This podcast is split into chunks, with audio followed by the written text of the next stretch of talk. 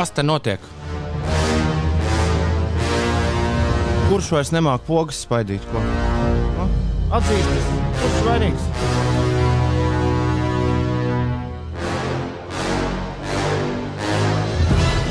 Labrīt! Ir viena minūte pārpusdienas sešiem. Ir pirmdiena, 1. marts.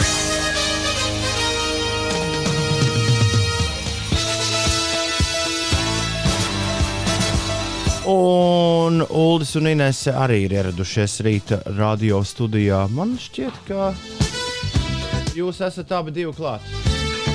Jā, jā. Labrīt, Uldī! Labrīt. Labrīt, Inesē! Labrīt! Vienu no jums neredz. Kā alaž? Atpakaļ vecajā vietā. Dzirdēt, taču dzird, vai ne? Dzird jūs lieliski, dzird jūs lieliski. Redzēšana Tagad arī. nav prioritāte. Tagad arī redz lieliski. Viss, vispār viss ir lieliski. Mīļie draugi, ir uh, vairs tikai kas tur 9 mēneši un dažas dienas līdz gads būs cauri. Gada beigas tik ātri es vēl negaidu. Bet sāc. Jāsāk. Es vairāk pavasarī iestāšanos gaidu. Pavasars ir jau sajūta, ka ir. Nu, nē. Kad sāks bērziem lapas parādīties. Kad bērniem ir Mm. lapas, dun, dun, Jā. dun, dun, dun, dun. Nezinu. Kad nevajadzēs vēl mēteli ejot ārā, Man šķiet, tad būs. man šķiet, ka viss ir kārtībā ar.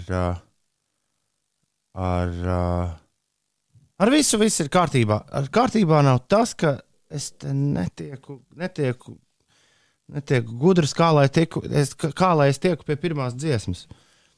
Tāpēc visticamāk, es to spēlēšu no doma laukuma. Vārdsargs Emīls un sliktā meitene ir kopā ar mums šajā rītā. Sliktā meitene raksta, labrīt, visi superforšie. Es beidzot esmu izčamājusies un arī sākšu tūlīt braukt, lai visiem izdevusies šī nedēļa. Savukārt Vārtsargs Emīls uh, priecīgs, jo viņam šodien pēdējā darba diena, un tad beidzot klāt ir atvaļinājums, bet pirms darba vēl mazliet jāpaskrien. Tā kā ar mums austiņās Emīls ir nolēmis kaut kādus kilometrus pieveikt.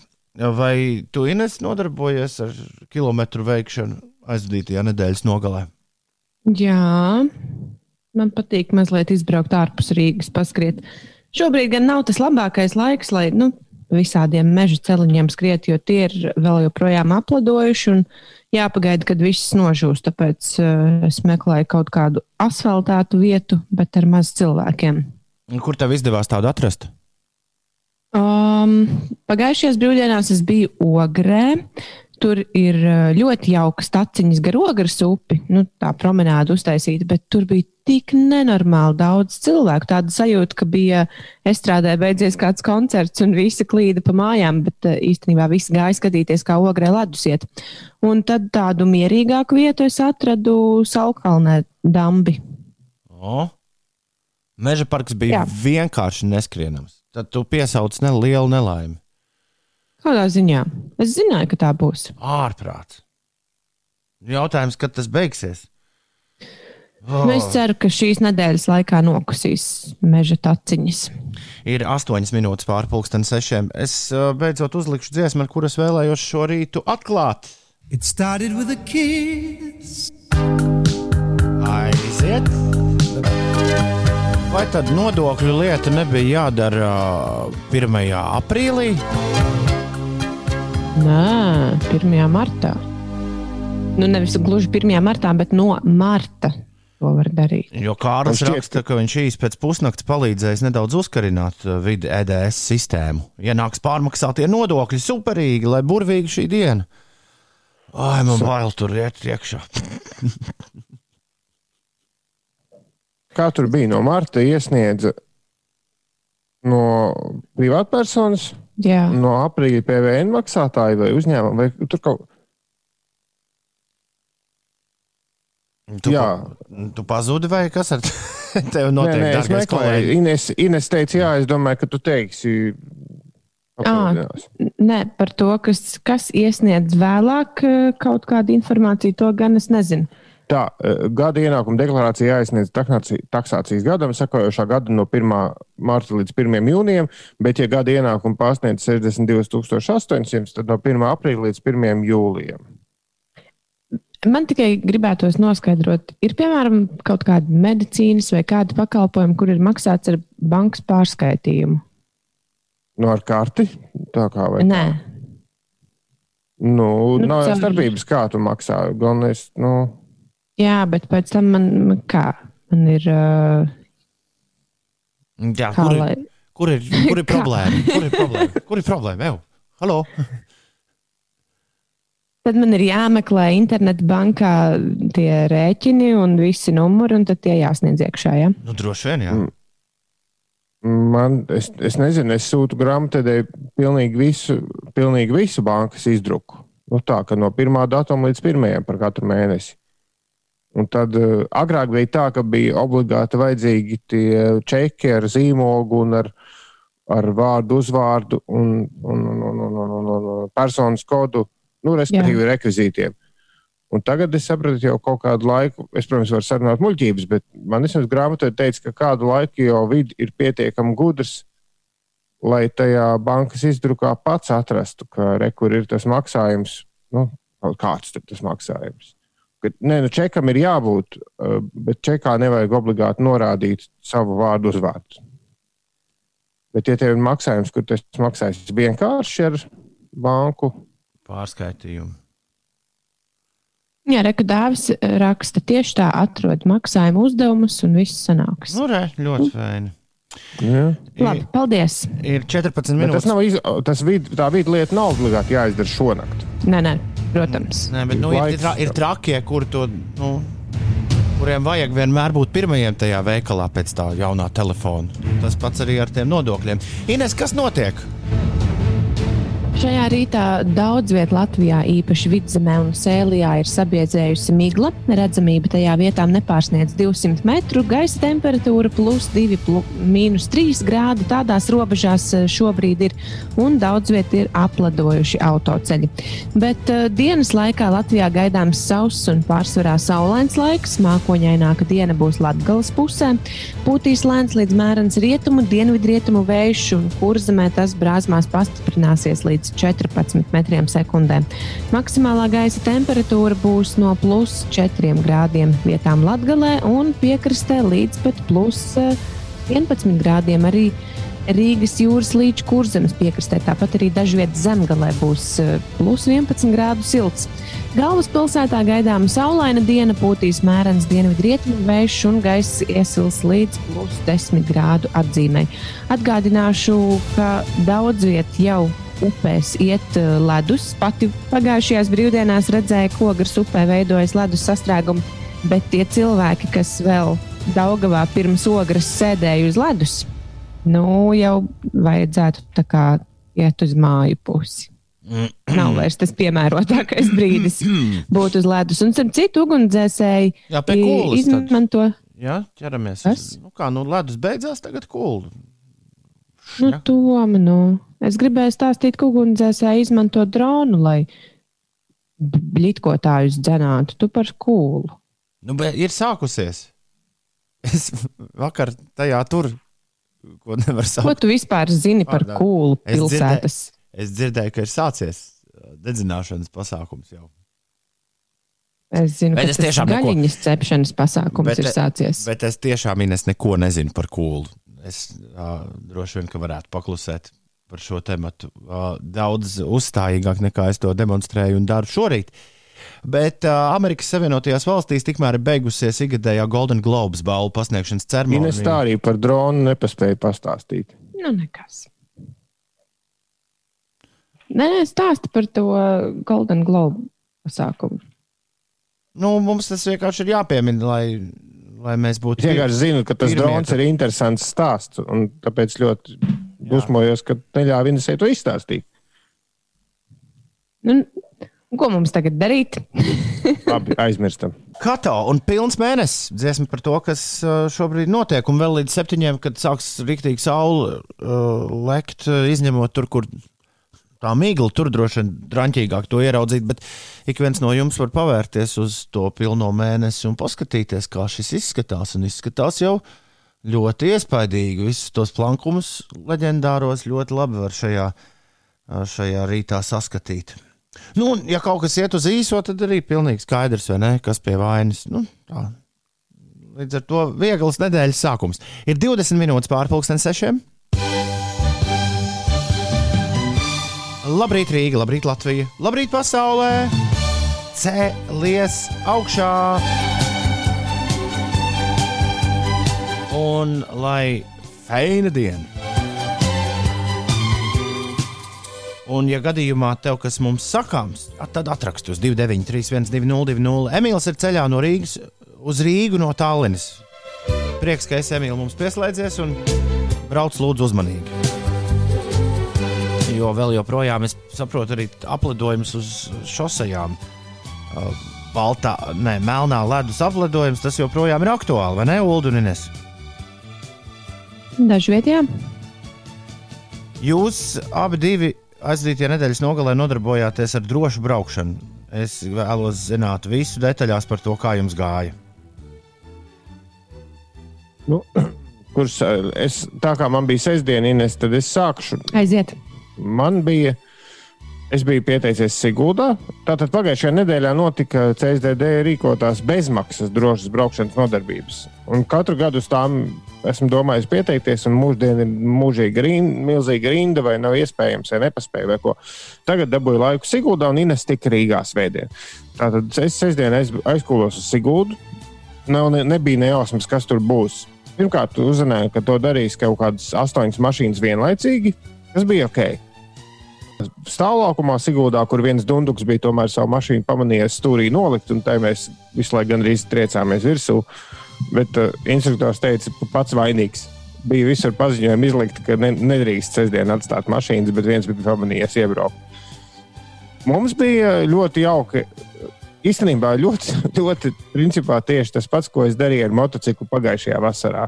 Nu, pirms gada, kad liku tiesības neko, neko daudz tās nodarbības neatšķīrās. Bija slaloms, un man atšķirībā no Ines laikam nepaveicās, jo man nebija sniega. Pat nebija īsti sniegs, ko sakaisīt. Nemaz, nemaz. Nemaz, nemaz. Tas laukums bija pilnīgi noklis, bet bija pēķis, bija slapjš. Un tur, kur mēs bremzējām, tur viņi mazliet sniegu beigās saspārdīja, un tur bija arī kaut kāda bremzēšanas ceļa izmaiņas. Bet tādu īstu ledus braukšanu man nesanāca.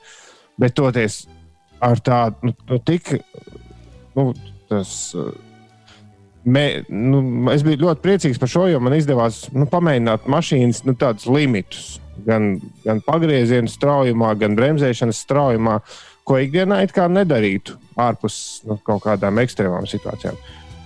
Tā kā ļoti Jā. interesanti. Pabraucām slāvumu, pabraucām ar bremzēšanas, visu kaut ko tādu. Kas bija Rīgā? Vai apmēram tas pats? Nu, bija apmēram tas pats. Es, man, man pasākums ļoti patiks. Starp citu, kā jūs sazinājāties savstarpēji ar instruktoru? Mums bija katra mašīnā rācija, un es, es neizmantoju iespēju neko pajautāt, bet daži izmantoja.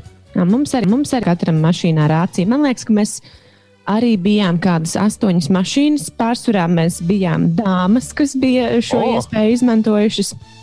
Siguldā bija viens... tikai viena dāma. Mums, man, mums bija kompānijā viens kungs tikai. Un, uh, jā, mums bija no sākuma diezgan labs tāds sniedziņš sabārstīts uz, uz tā mūsu ceļa, ko vajadzēja izbraukt. Bet, protams, pēc pirmajiem braucieniem jau tas sniegs pašķīda un sāka aizvien vairāk kust, tad instruktora palīgs ar lāpstu visu laiku mēģināja um, dabūt atpakaļ to sniegu uz ceļa.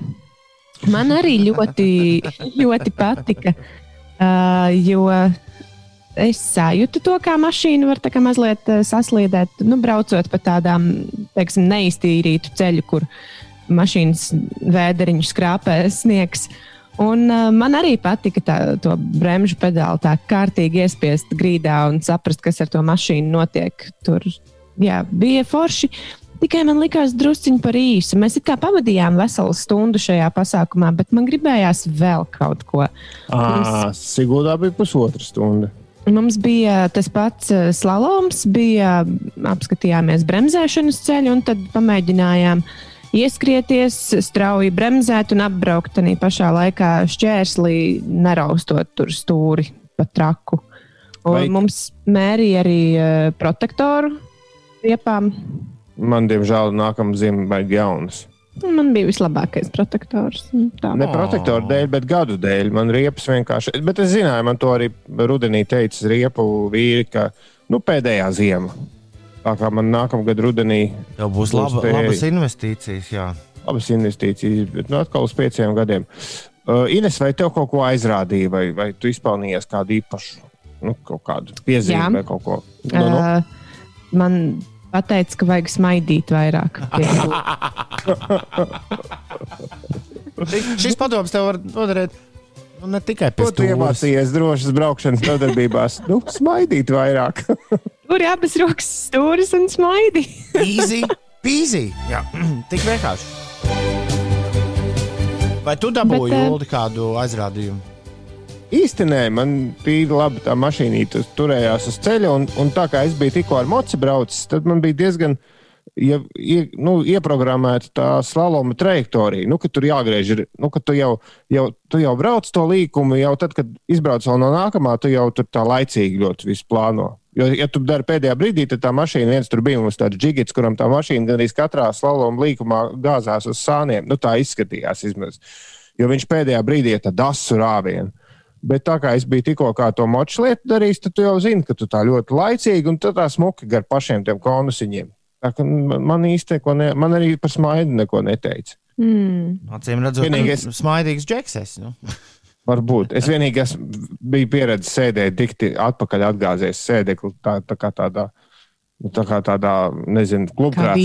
Jā, jā, man teica, nē, nē, nē, tur tā jābūt un uz augšu un uz priekšu. Un tagad, tagad sēž Nu, pareizi. nu, labi, bet tas sausais atlikums jūs citiem iesakat. Nu, labi, tagad jāgaida gads droši vien, lai, tas, lai atkal būtu iespēja šādā pasākumā piedalīties. Bet vai ir vērts to darīt, vai nebija sajūta, ka bišķi nomests laiks zemē? Nē, par velti noteikti ir vērts darīt. Un, un es zinu, ka to, tur, kur ir pamaksa, tur, tur atkal vēl visādi tur speciāli tiek radīti visādi slapi apstākļi un kādi vēl apstākļi. Tā kā noteikti ir vērts. Kāds te raksta, vajag praksi audzēt dzīvē. Nu, dzīvē tu ekstrēmas uh, situācijas nemodelēsi speciāli. Nu, Var jau to braukt un kaut kur darīt, bet ar instruktoru noteikti ir daudz labāk nekā bez. Jā, es arī domāju, nu, neskatoties uz to, ka bija pavisam maz tie vingrinājumi, būtu forši, ja būtu vairāk uh, sniega. Bet uh, man labāk patika jā, tas, ka tev ir iespēja tiešām, kā tu teici, tos mašīnas limitus vai to, kā tu bremzē, kā tu uzvedies. Mm, izmēģināt kaut kur ārpus satiksmes, un pēc tam jau, kad tu piedalies satiksmē, un ja, tu, ja kaut kas notiek, tad tu zini, kā reaģēt. Nevis tur kaut ko. Un, Jā, un, ka tu šķērsli vari apbraukt, un kāds ir tas limits, kādā ātrumā tu to šķērsli vari apbraukt. Un ar, tieši, diezgan droši. un ar tieši kādu smaidu, cik lielu tev Jā, tieši tā. Mm, nav Tieši tā, jāveic, tas ir jā. būtiski.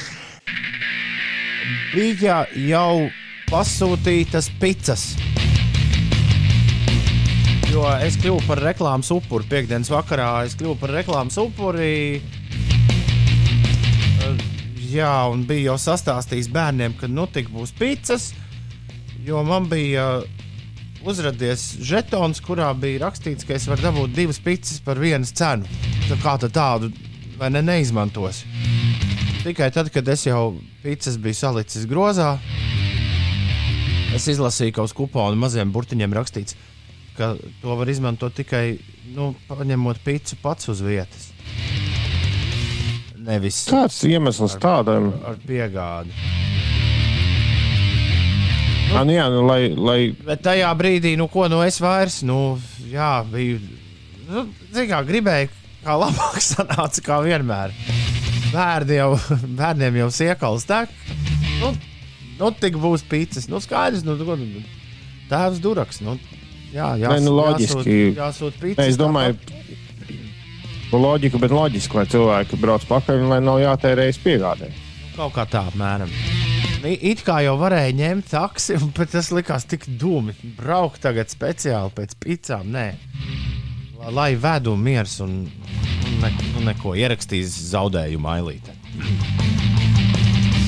Nu, lūk, un tā nu es sēžu Ines un gaidu tās savas pizzas piekdienas novakarē, pēkšņi zvana Uldis. Labi, viņš rakstīja Vācijā. Un tu esi mājās? Es jā, jā, esmu mājās, viss labi. Es tūlīt pie tevis piebraukšu. Es domāju, ko varbūt nu, kaut kāda aizkavējusies dzimšanas dienas dāvana vai, vai, vai vēl kaut kas, ko, ko, ko šim pēkšņi piekdienas vakarā savajadzējies.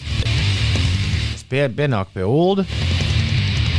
un Pie mašīnas lodziņa, un ko man Ulu saka, viņš saka, es zinu, ka Laura Grēviņa kundze ļoti dusmosies, bet Un Ulas man ieliek rokās aboļu telefonu. Viņš saplēsta. Kur tad tūldi tādu dabūja? Viņš saplēsta, bet uh, ļoti labi darbojošu. darbojošos. Un, Es teiksim, tā izmantoju ģimenes sakaru. un nu, tālāk seko, protams, komentārs, ka bez manis tajā klubhausā esot ļoti skumīgi un garlaicīgi. Ka viss tagad, Oh. tā, tagad man tur jābūt. Nu, un tā Uldis atveda klubhausu jā, uz manu dzīvi. Tiesa. Tiesa, mans galvenais secinājums, Ines, ir nevis. Uh, es, es tev, mēs varētu īstenībā pa nedēļām mainīties. Es tev varētu iedot šo, šonadēļ tev bišķi paklaphausoties. Tu domā, ka man tik ļoti gribās? Nu, nezinu, nezinu. Do, domā, ka man tik ļoti gribējās, bet ja jau šī tā atved, Man jau liekas, ka tev gribējās. Uh, tiem visiem, kas nesaprot, par ko mēs runājam, Clubhouse ir šobrīd uh, bagātu pilsētnieku elitārs sociālais tīkls, kurā tiek iekšā tikai cilvēki, kuriem ir āboļu telefoni. Un, uh, un tur ir jā, sastapušies visādi banku, reklāmas aģentūru, radiostaciju un tā tālāk vadītāji. Un tur notiek, uh, es teikšu tā, Ines, tur notiek festivāls Lampa vienkārši non-stopā. Ar, tā, es domāju, No, mums ir tieši Es domāju, ka tas ir vislabākais skaidrojums. Jo tur uzstājas cilvēki ar daž dažādām diskusijām, lekcijām un tā tālāk. Uh, nu, lūk, mans galvenais nedēļas nogales atklājums nav uh, saistīts ar uh, Clubhouse. Es esmu uz mutes par to, un tiešām biju uz mutes par to. Jo es pirmā, li pirmā lieta, ko es izdarīju, Ulas sestdienas rītā paņēmu, paņēmu telefonu līdzi, jo es visu laiku biju gribējis, lai man ir kāds gadgetiņš, kuram nav piesaistīti reāli telefona sakari, bet no kuras var spēlēt mūziku, skrienot. jā. Un līdz ar to es domāju, sacīts darīts. Es šo lietu izmantošu un ņemšu līdzi, eh, salikšu tur mūziku, kur es gribu klausīties, skrienot, un, un ņemšu līdzi šo aparātu. Cik diametrāli ir atšķirīga Bluetooth skaņa Android telefonam Nu, nu. un āboļu telefonam? Cik ļoti? Tas uzspridzināja manas smadzenes. Es nekad nekur virzienā? nebiju par šo lasījis. O, Diemžēl, vai jā, Inesē, diemžēl, āboļu telefonu virzienā. Pēkšņi es sapratu, ka o, var arī šādi skanēt. Jā, par šo man neviens nekad neko nebija stāstījis. Ai, Bet tā, vai jā. tad pašam iepriekš nebija jāpaļ telefons? Ne? mm, Tad jau neskrēja vēl Toms. Ah, Un neklausījās Bluetooth austiņās mūziku. Jā, toreiz vēl tā, izklau, tā bija kaut kāda nākotnes tehnoloģija. Tā kā jā, Mm. šis ir. Šis patiesībā ir neticams atklājums. Un kāds, kāds tur tu gribi teikt, ka nākamo telefonu, ko man vajadzēs, man vadzēs pirkt tābuļu Es telefonu. neesmu pārliecināts, ka ir, jā, es neesmu pārliecināts, ka ir jāpērk telefons. Viņam var nopirkt arī parastu. Var, vi- viņu var dabūt par ļoti lētu naudu bez telefona funkcijas. Bet, uh, bet es, es nezinu, nu, tā, kat- katrs, katrs dara, katrs gudrs un dara, kā, kā viņš grib. Bet uh, es svētdien debitēju ar, vakar es debitēju ar veseliem diviem priekšlasījumiem. Uh, jā, Clubhouse Ines, un man viss sanāca labi, man tā liekas. Man prieks par to. Jā. Vai Jā, tu gribētu- pats kaut ko eh, noderīgu, ko paklausīties, ne tikai piedalīties kā runātājs? Man Nu, ir to, nu, Ulas man ievilka džeziņā vēlu vakarā, Mhm. kur kaut kādi cilvēki Amerikā spēlēja viens otram priekšā uh, atklātu džēza atklājumus. Tas bija ļoti jauki. Bet eh, nē, Ines, Ines Toms nevis eh, vienkārši parunāja, bet Toms tiešām dalījās ar informāciju. Tas, man liekas, ir jau nu, pats svarīgākais līmenis, ka tu nevis vienkārši tur kaut ko pamuldi, jo to tur dara ļoti daudz, bet ka tu tiešām nu, jēgpilni to dari. Un Toms to vakar ir, ir izpildījis.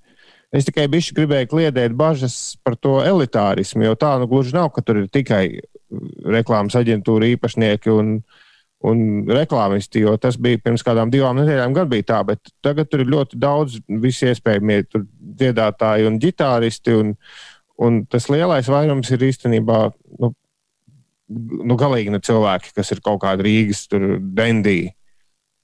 Jo tur jau ir sanākuši gan pasniedzēji, gan, gan dažādu pro, tehnisku pro, profesiju pārstāvji. Nu, tā teikt, ir normāli cilvēki. Nu, tā varētu teikt. Nē, zini, kā cilvēki, kas strādā īstu darbu. Tas Jā. ir. Jo, Jo īstenībā šo cilvēku stāstus arī ir daudz interesantāk klausīties nekā stāsts par to, kā tu radīji kaut kādu radošo kampaņu, nu, kas arī varbūt reizēm ir interesanti. Bet tad, kad cilvēks stāsta par to, kā viņi nezinu, būvē no nulles sporta klubu, vai arī, piemēram, kā tiek apkalpotas lidmašīnas lidostā starp lidojumiem, Tas ir rīktīgi interesanti. Vai tu dzirdēji vakar dārzniecības čatu? Jo es tam nepieslēdzos. Nē. Jā, tur... Nē, es redzēju, ka bija Ines, zini, liekas, bija ļoti no, laba doma. Zinu, kas bija viens no galvenajiem dārzniecības uh, pasākumu runātājiem. Jānis. Edgars Kupčs. Nē, ah. Edgars Jānis Šepkevits juniors.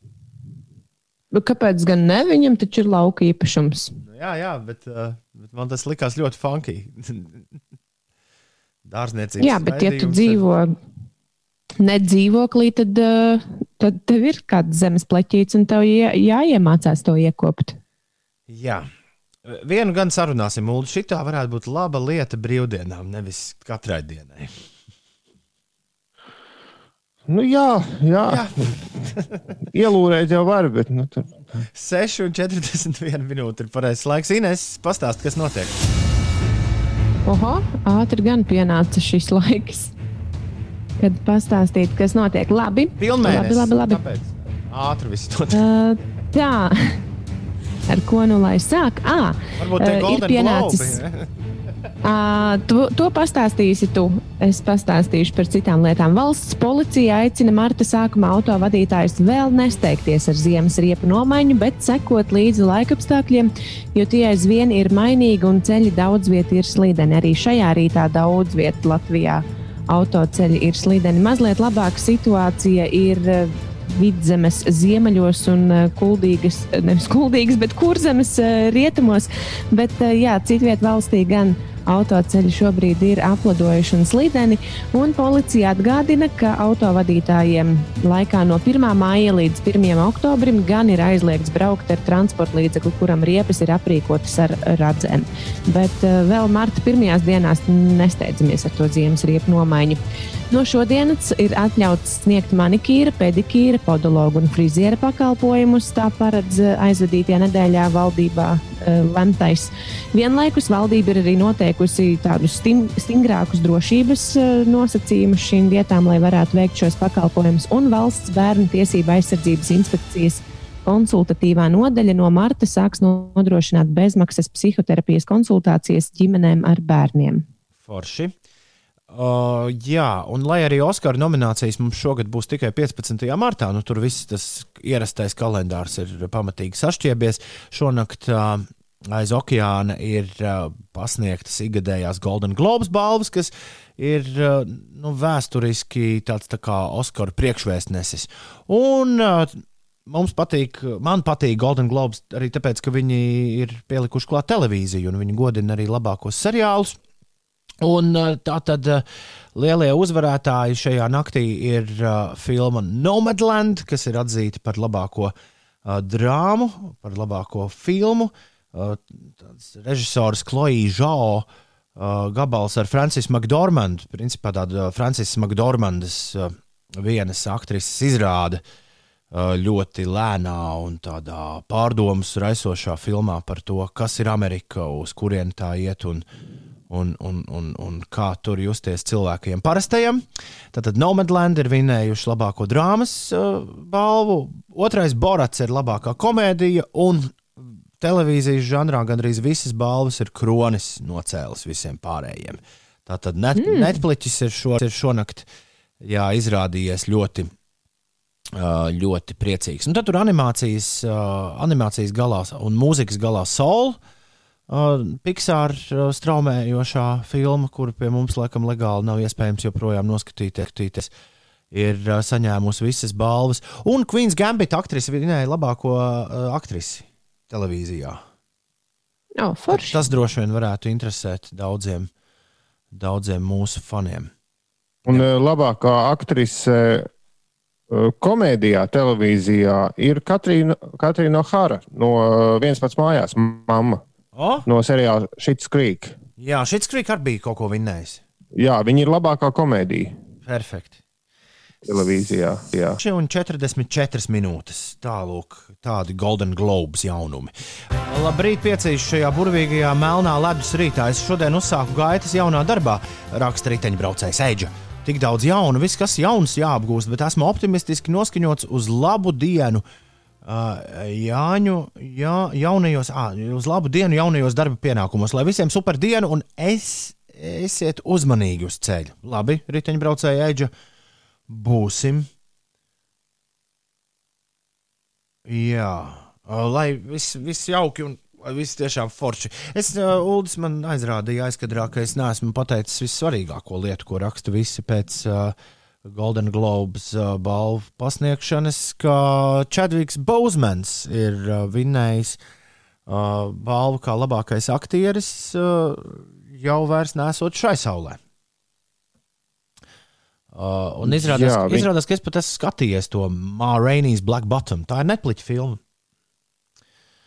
Jā, bet viņš bija nu, slavena, tādu lielo slavu guva ar Black Panther. Ar Melno Panteru, jā, tā bija. Un, diemžēl, cīņā ar onkoloģisku, ar, ar, ar onkoloģijas kaiti, jā, viņš neuzvarēja. Un, un tā, bet pasties ir balva. Balva vienalga pienāks.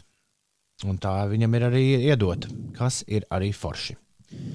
Tā ir bez desmit minūtēm septiņi pareizais laiks. Žēl, ka Pīkī Blinders neko nedabūja. Nu, bet viņi nevar jau. Nebija, visu, visu vai te bija nominēti? Man liekas, ka nebija. Ne. Man liekas, ka nebija gan. Tur visādi citādi seriāli, par kuriem mēs esam runājuši, bija nominēti, bet tas, tas laikam nebija gan. Tā ir jā, jau bez deviņām minūtēm, septiņas. Tas nozīmē, ka pēdējais brīdis mums ieslēgt laika mašīnu. Laika mašīna.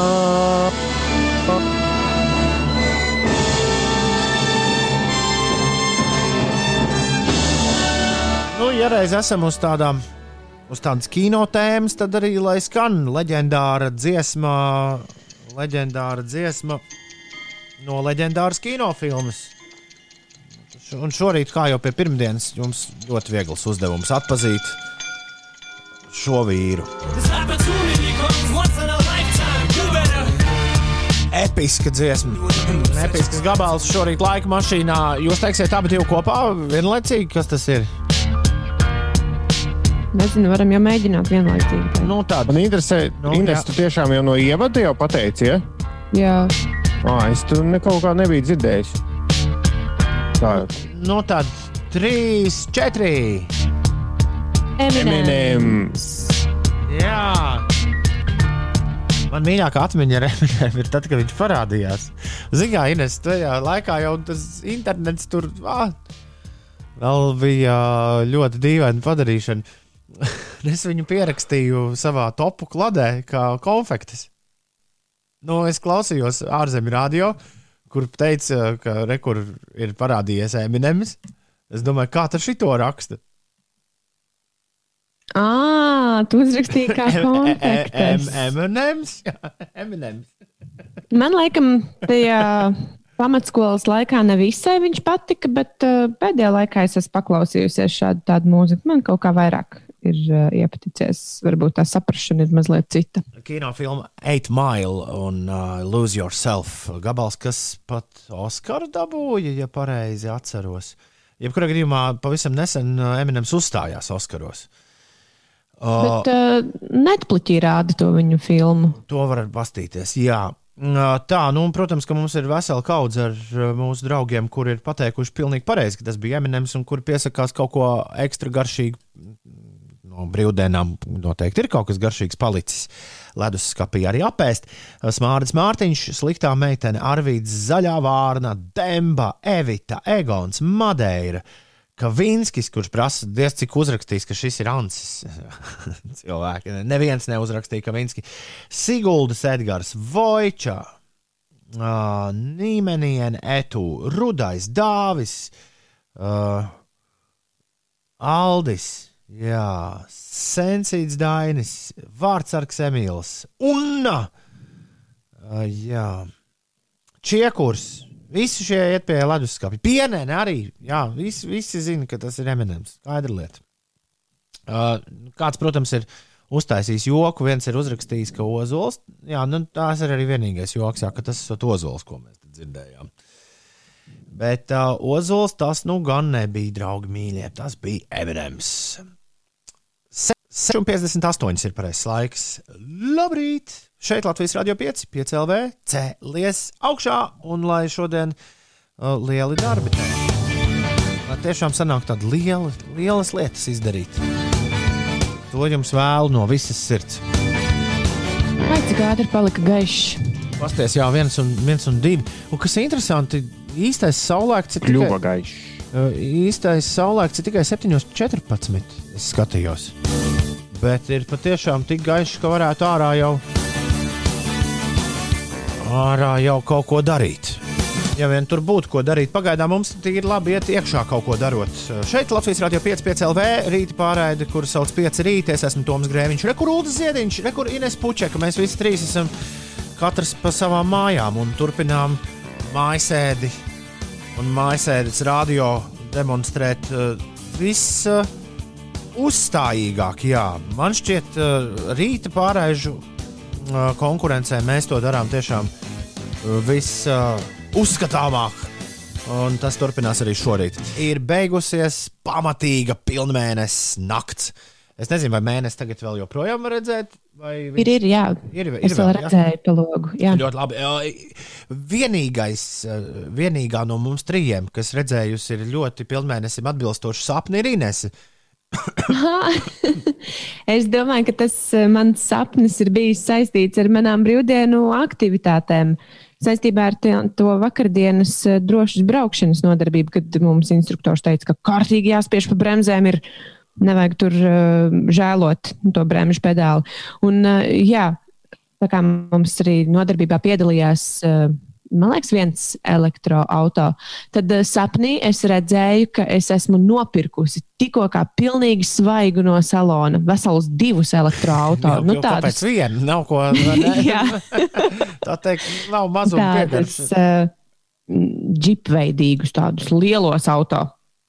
Un, uh, un, un braucu pa ceļu. Nezinu, kā es varēju braukt ar abiem diviem vienlaicīgi, bet man kaut kā nespiedās tas bremžu pedālis. Un ārā bija tādi slīdeni laikapstākļi. un Es spiežu, es tiešām spiežu to bremžu pedāli līdz, līdz pašai grīdai, bet tā mašīna slīd un tur apskrāpē visas citas mašīnas. Un nezinu, kāpēc vēl iekrīt iekšā Rīgas Hesa tur ūdenskrātuvē. Brīnišķīgi.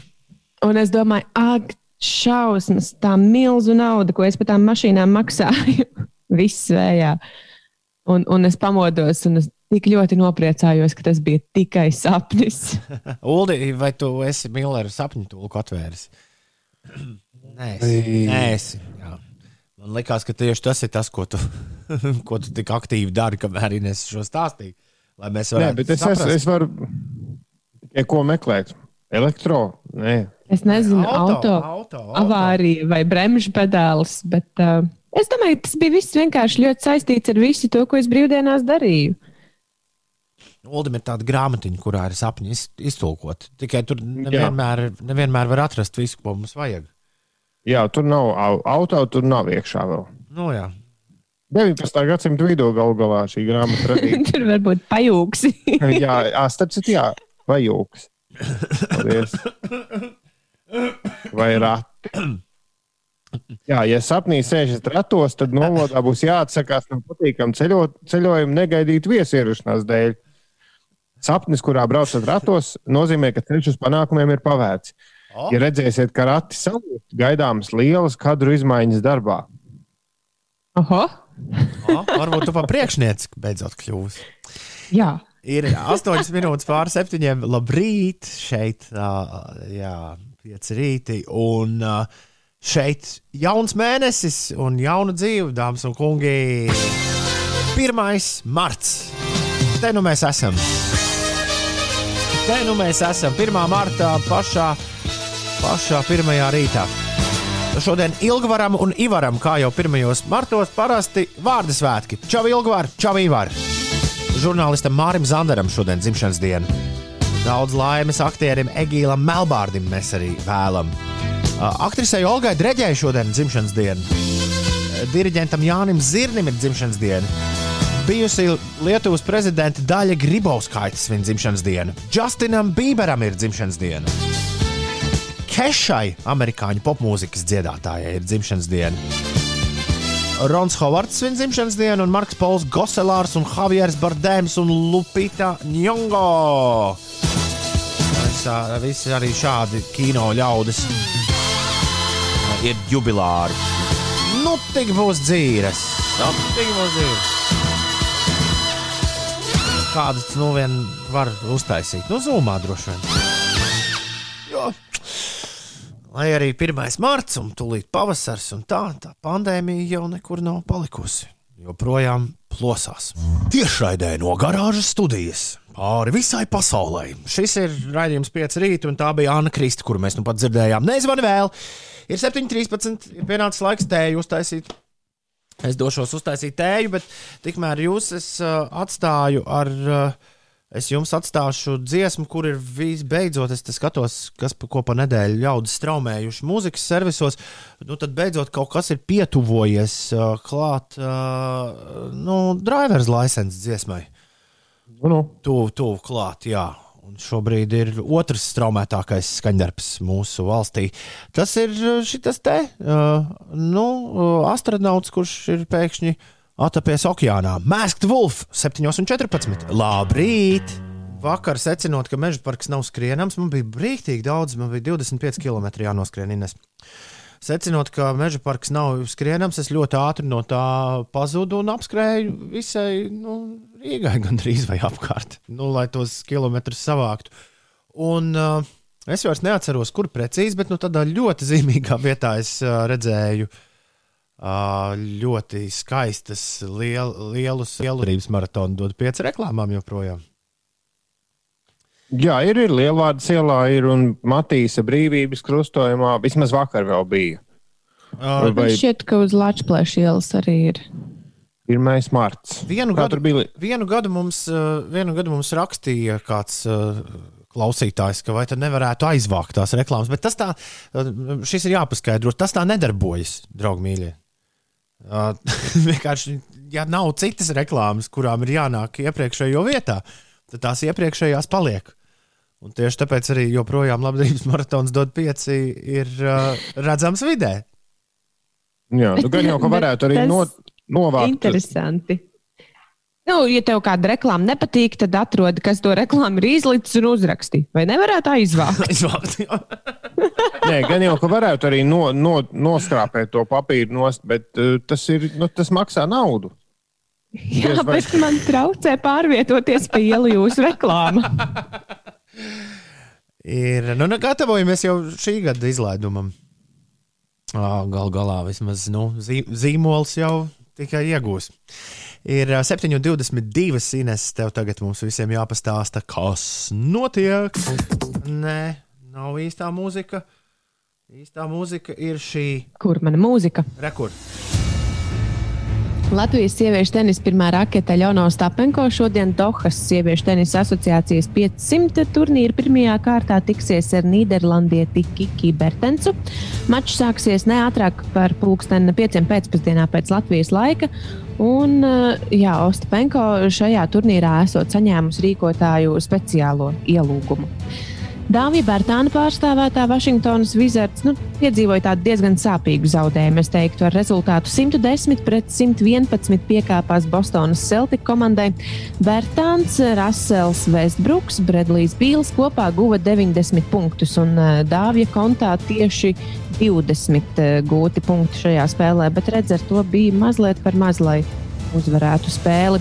Vēl ir notikusi Houstonas Rockets eh, spēle pret uh, Memphis Grizzlies. Radions Kurčs šajā spēlē laukumā devās, bet uh, punktus neguva. Un uh, Houstonas Rockets ar 84 pret 133 zaudēju šo spēli. Un arī Nacionālajā hokeja līgā ir bijušas spēles ar latviešu dalību uz, uh, uz laukuma arī piedzīvots eh, zaudējums Pitsburgas Penguins, kuru pārstāv Teodors Bļūgers, spēlēja pret New York Islanders un šo spēli zaudēja ar rezultātu 0-2.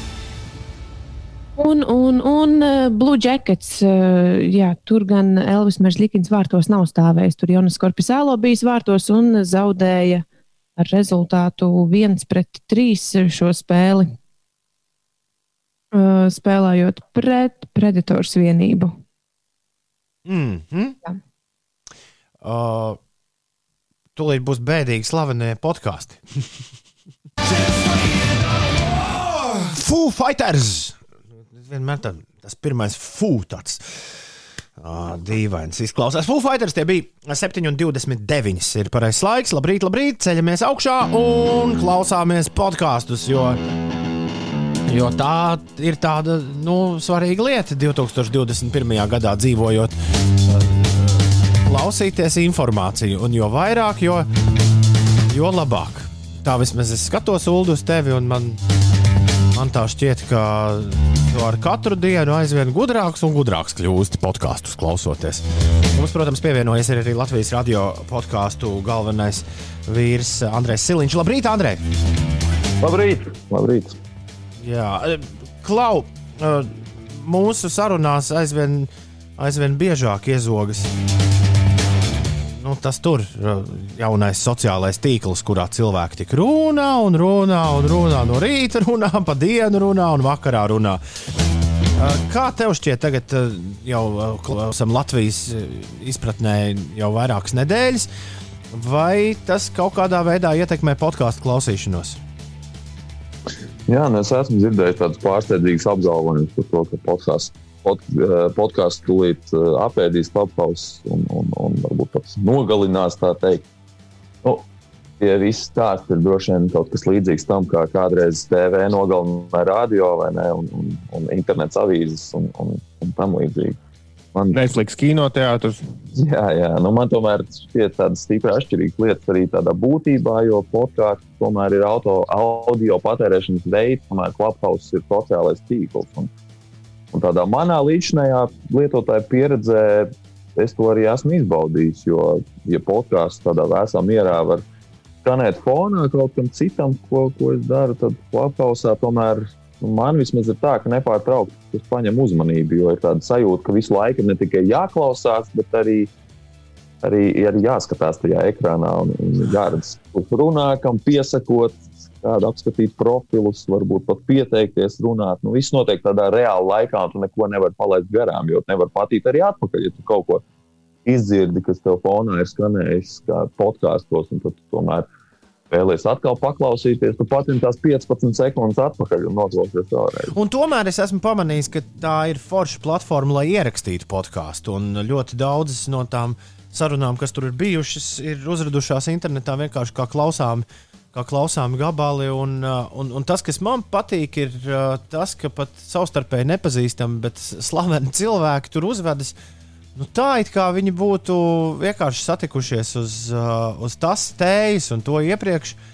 Nu, ja, to, ja to darītu, piemēram, kā jau inscenētu televīzijas vai radio kopā sanākšanu, vai, vai kā īpašu podkāstu ierakstu, man liekas, ka to nemaz tik viegli nevarētu dabūt. Uh, dabūt gatavu, bet nu, pagaidām šai vietnē tas tīri labi izdodas. Klau, uh, dīvaini formātu podkāsti, kas, nesta, kas ierakstīti nestandarta veidā, tāds ir mūsu šīs dienas podkāstu uh, rubrikas uh, apakšnosaukums. Uh, ko nu stāstīs Andrej, vai tiešām ir kāds podkāsts, kas tiek ierakstīts, piemēram, laivā? Uh, Kur Ir cilvēki, tādi, cilvēks ir jā, ir arī tādi, kas ir ierakstīti dzīvē, jā, bet uh, es domāju, laivā kā laivā. Nu, kad, piemēram, Ā, laivā? Jā, kad, jā, kad cilvēki piemēram, brauc ar laivu un tur runājās. Domāju, ļoti iespējams, ļoti iespējams. Bet uh, es atkal gribētu pastāstīt par tādu, kas ir ierakstīts nevis laivā, bet vēl mazliet uh, sliktākos apstākļos audio ierakstīšanai, uh, proti, cietumā. O, Jo, jo Air Hustle ir tāds podkāsts, kas ir pirmais podkāsts pasaulē, kas tika ierakstīts pilnībā, ierakstīts un producēts cietumā. Tur tas stāsts īsais ir tāds, ka 16. 2016. gadā divi ieslodzītie pieteicās, pieteicās Radiotopijā konkursam. Uh, un, un ar savu ideju par, par cietuma dzīves podkāstu arī uzvarēja tajā, šajā konkursā. Un tad uh, Viņu tajā komandā ir arī trešā dalībniece, pastāvīgā. Tā ir viena no māksliniecēm, kas, kas ir brīvprātīgā cietumā. Nu, un tad uh, Air Hustle ir tas uh, cietuma slēgts angļu valodā vārdam uh, noklausīšanās. Nu, podkāstā tiek, tiek runāts ar, ar gan pašu runā, gan ar, runā ar citiem ieslodzītajiem, kurš stāsta par piedzīvoto, dalās viedokļos par dažādām tēmām, par kameras biedriem vai, vai karceriem, par, par vieninieku kamerām, par iekšējiem noteikumiem, bandām, reliģijām un, un teiksim, attiecībām ar, ar ārā esošajiem tuviniekiem. Nu, būtībā tas ir tāds podkāsts par cietumu ikdienas dzīvi un, un cilvēcības saglabāšanu. Tur tādos, nu, es gribētu teikt, droši vien visai brutālajos apstākļos bieži vien. Un tad, jā, jā ļoti veiksmīgs podkāsts, kas, kas uh, 20. gadā bija pat, pat izvirzīts Pulitzer balvai.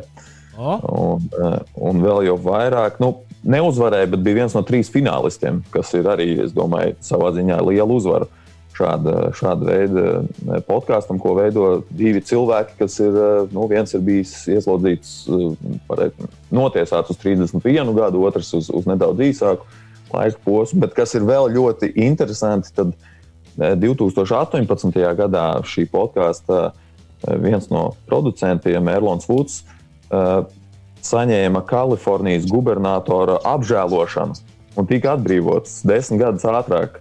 Ui, Un, tu podkāstam tas pa labu nenāca. Nu, nē, un kā viens no iemesliem, eh, iemesliem soda samazināšanai tika minēts tieši tas, ka viņš lūk, nodarbojas arī ar, ar podkāstu un, un veido eh, nu, tādu citu skatījumu uz, uz uh, ieslodzīto dzīvi. Nu, tagad, viņi, jā, tagad viņi stāsta arī par to, kā ir atgriezties dzīvē pēc, eh, pēc tik ilgiem gadiem ieslodzījumā. es eh, laikam kaut kur nepareizi meklēju. Air hustle man neko nerāda. Ko- es Air, tā, tā Ear. kā ear, tā kā, Ah, kā auss. auss. Kā auss. Jā. Man likās, kā gaiss. Air, hustle, jā, nu tad uzreiz, jā, viņš, tad viņš tur uzreiz parādās. Un uh, nav bieži, kas ir forši. Nu, viņš ir apmēram Jā, viņam ir- divas reizes mēnesī.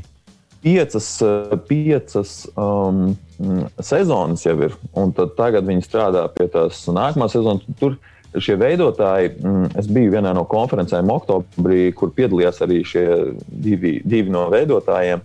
Un, uh, viņi stāstīja par to, cik uh, patiesībā grūti ir visu šo izdabūt cauri, tā teikt, jo nu, cietumā ir visam jāiziet cauri, viss, viss ir jānoklausās, pirms tas var tikt kaut kur publicēts. Un, un, un visam ir jāsaņem atļaujas visām intervijām, visām eh, pat, pat nu, kaut kādām tehniskām lietām, kas jādara.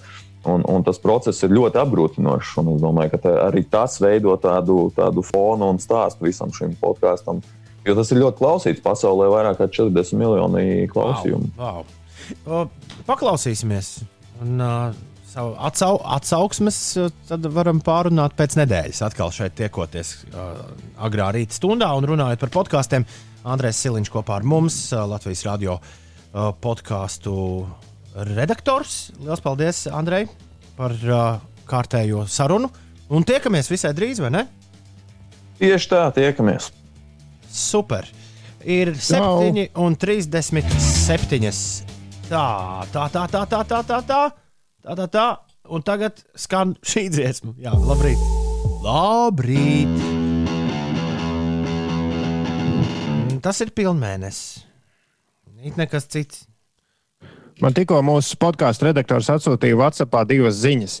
Nu, nu. Viena ziņa skan šādi: 222, un vēl ilgi, ilgi tā turpinās. Un otra ziņa skan vienkārši 6. Jā, tas ir kaut kāds prasīgs kods. Es to arī domāju, pilnmēnesis. Nē, nē, izrādās kaķis pieslēdzas mūsu sarunā. Labai, labi, labinieks. 7,40 Ines, kas notiek? kaķi staigā pa galdiem, tiem, kam tie ir mājās. Bet um, arī šogad ir ikvienam iespēja organizēt savu pasākumu sarunu festivālā Lampa.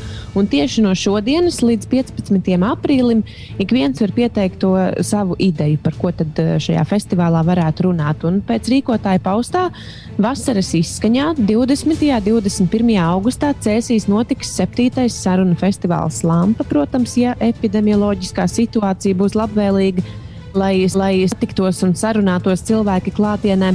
Bet ierastā Cēzu pilsparka uh, vieta tiks. Uh, Tiks uh, pārcelta nevis Cēzu pilsparka vieta, bet uh, vieta, kur šis festivāls notiks. Tas būs jā, jauna sarunu vieta pilsētā. Būs skatāms festivāls arī mājaslapā un citās platformās. Tātad līdz 15. aprīlim visi tie, kas zina, kam ir par ko runāt un varbūt ar ko runāt, tad no šodienas līdz 15. aprīlim var pieteikties festivālam Lampa. Vēl no šodienas atļauts sniegt manikīra, pedikīra, podologu un friziera pakalpojumus. Protams, ar tādiem stingrākiem nosacījumiem. Valsts ieņēmuma dienests jā, ir atvēris gada ienākumu deklarācijas iesniegšanas eh, procesu no šodienas un eh, aicina gan nesteigties tik ļoti ar tām eh, deklarāciju iesniegšanu. Katrā ziņā to nevajag izdarīt pašā 1. marta dienā. Tam vēl ir eh, laiciņš, var arī mazliet pagaidīt. Jā, galvenais neaizmirst. Nu, tā vienīgā lieta. Nu, tas gan jā. 7,42. Ines geogrāfijas stēle. Jeb uh, salaužam smadzenes, uh, tā teikt, uh, iesākoties nu, nedēļai. Nebūs tik traki tom. Nu, nu, tā tu vienmēr saki, un beigās, beigās Nu, tā, kā ir. Es to norakstu uz agro rītu. Ja šis būtu pēcpusdienā, būtu daudz vienkāršāk. Jā, droši vien smadzenes būtu tā Jā, teikt, jā. eh, ievingrojušās. Jau jo mēs jau to visu zinām. Nu, jā, nav. tikai tā pieeja tām zināšanām smadzenēs eh, no rīta nav tik vienkārša. Labi. Bet labi, nav ko te daudz eh, runāt riņķi apkārt. ķeramies klāt pieciem geogrāfijas, eh, nu vai aptuveni geogrāfijas jautājumiem. Un tad pēc dziesmas es gaidīšu to ulu atbildes, un arī kāda klausītāja atbildes. Ja jūs zinat atbildes, tad droši sūtiet mums uz 293, 202, Un pirmais jautājums, kā sauc tos trīs krāterus, kas ir uz Marsa? Tiem ir uh, Latvijas vietu nosaukumi. Ak, Dievs. Jā, visu pagājušo nedēļu, man liekas, cilvēki ļoti priecājās par šiem trim krāteriem, kam ir iedoti Latvijas uh, apdzīvoto vietu nosaukumi. Nu, pamēģiniet nosaukt kādu no šīm Par vietām. katru būs viens punkts. Nē, kopā būs viens punkts. Labi. Bet es paslavēšu, ja tu zināsi kaut vienu vietu. Labi, skolotāji. Kāds ir otrais jautājums? Otrais jautājums. Man liekas, ka šis jautājums ir bijis, bet uh, atkārtošana ir zināšana māte. Nosauciet garāko kalnu sistēmu pasaulē. Jūs zināt, ir uh, tur Himalaja, Karakorums, Alpi un, un kura tad ir Šie nav tātad. šie nav? Kura ir garākā kalnu sistēma pasaulē? Vairāk gan priekšā neteikšu šajā jautājumā. Mhm. Tā, kuru divu valstu teritorijā ir apakšu kalni? Mhm. Uh, šis ir trešais vai ceturtais jautājums, vairs nesaprotu. Bet uh, Ja jautājums Ceturtais. ir šāds. Kura ir vistuvākā planēta Zemē? Kas vistu? Kura ir vistuvākā planēta Zemē? Nu, no tām mums eh, zināmajām, var jau būt, ka ir kāda neatklāta, bet tām, kur, tās, eh, kuras mēs zinām, kur, kura ir tuvākā. Un pēdējais jautājums, kura ir garākā ASV upe? Rākā ASV upītē, kur ir. Jā, šie ir mani jautājumi. Un es Jā, ceru tūlīt. sagaidīt atbildes pēc dziesmas. Tūlīt būs grandiozas atbildes. Bet vispirms kārtīgs geogrāfijas hits. Proudly presented by Inese Pučakā. Jo ir Ines geogrāfijas spēle. labrīt, šeit pieci rītī. Kā tev gāja Ulu ar atbildītēm? Nu, man ir dažas tādas, eh, nu, zinu, bet nezinu, kur jāizvēlas viens no variantiem. Man ir- Tā tad konkrēti nezinu. Uh, man nav neviena atbilde, par kuru es būtu simtprocentīgi pārliecināts. Bet, uh, kā, Upsi! upsi, Daisy, jā. Bet, nu, kaut ko jau mēģinās tev atbildēt, Ines. Jo šobrīd šajā rīta pārraidē notiek Ineses geogrāfijas spēle. Uldis. Man sasit lupatās pirms nedēļas, tad Ulu arī sāca atbildēt. Jā, vareni ar 2-0. Ir tāds sasitiens. Labi, aiziet. Nu, labi. Mums daži klausītāji arī ir piedalījušies spēlē. Varu pačukstēt, ka dažas atbildes viņiem ir pareizas. Es ceru, ka arī jums veiksies. Pirmais jautājums bija par to, kā tad sauc tos trīs krāterus uz Marsa, kuriem ir iedoti Latvijas apdzīvot vietu nosaukumi. Es zinu vienu tikai noteikti. Man liekas, ka tālse bija pilnīgi noteikti. Un tad es minēšu, bija kaut kas ar kāburtu, tātad kuldīga vai krāslava. Nu, lai iet kuldīga un Rīga. Tālse, kuldīga Rīga ir mana atbilde. Rīga, Labi. Rīga Liepāja un Daugopils. Hmm. Nu, pilsētu lielumam šiem, te- šiem te nosacījumiem, kāpēc vispār tāds, tādi, tādi nosaukumi ir eh, krāteriem uz Marsa, nav it nekāda sakara. Ai. Tāpēc ir paņemtas eh, diezgan eh, nelielas apdzīvotās vietas. Uzslava Uldim par to, ka tu teici tālsi vai ne? Jā, Jā, viena vieta tā tad ir tālsi, un pārējās divas ir auce un rauna. ok. Nu, tad Tāls jau 0,1. es Jā. ierakstu 0,00. Un uh, tālsu nosaukums krāterim ir iedots jau 70. gados, savukārt uh, aucei un raunai ir tikai 2015. un 2014. gadā šie nosaukumi iedoti. O, o, labi, labi, labi. Tā. E, ejam tālāk. Labi, garākā kalnu sistēma pasaulē. Nu, tom. Nu, tu smiesies, ko es tā esmu pierakstījis. Es nezinu, bet es esmu pierakstījis Tatri. O, jā, tad es, tad es nešos. Uldi. Nu, Vai tie nav Andu kalni, kas, man liekas, ar kordilieriem ir kopā? Es tieši gribēju teikt, kordilieri. Man būtu bijusi otrā. Es, to mēs tieši tevis dēļ šo jautājumu ierakstīju, jo es domāju, ka tā ir vienīgā kalnu sistēma, ko tu zini, un ka tu to noteikti ierakstīsi kā atbildi. Tie ir kordilieri. Andu Ai. kalni ir uh, Dienvidamerikā un kordilieri Ziemeļamerikā. Auč! Visi kopā tie veido to garāko kalnu sistēmu. Jā. Fantastiski. Nu, Kapteiņa Jā. grāmatu bērniem, paldies, jāsaka. Kā à, kapteiņa Granta bērniem? Jā, viņi tur šķērsoja. Jā, tā. Šķiet, ka nākamais jautājums bija par apelaču kalniem. Ja?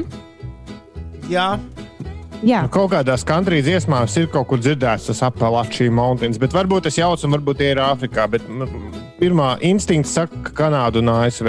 mans, es saku, ka tā ir Dienvidamerika. Man instinkti saka, es teiktu, Argentīna un Čīle.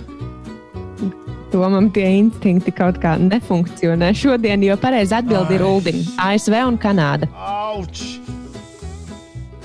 Vai, vai, vai, vai, vai. Nu, ko, šis man liekas interesantākais jautājums. Kur ir vistuvākā planēta Zemē?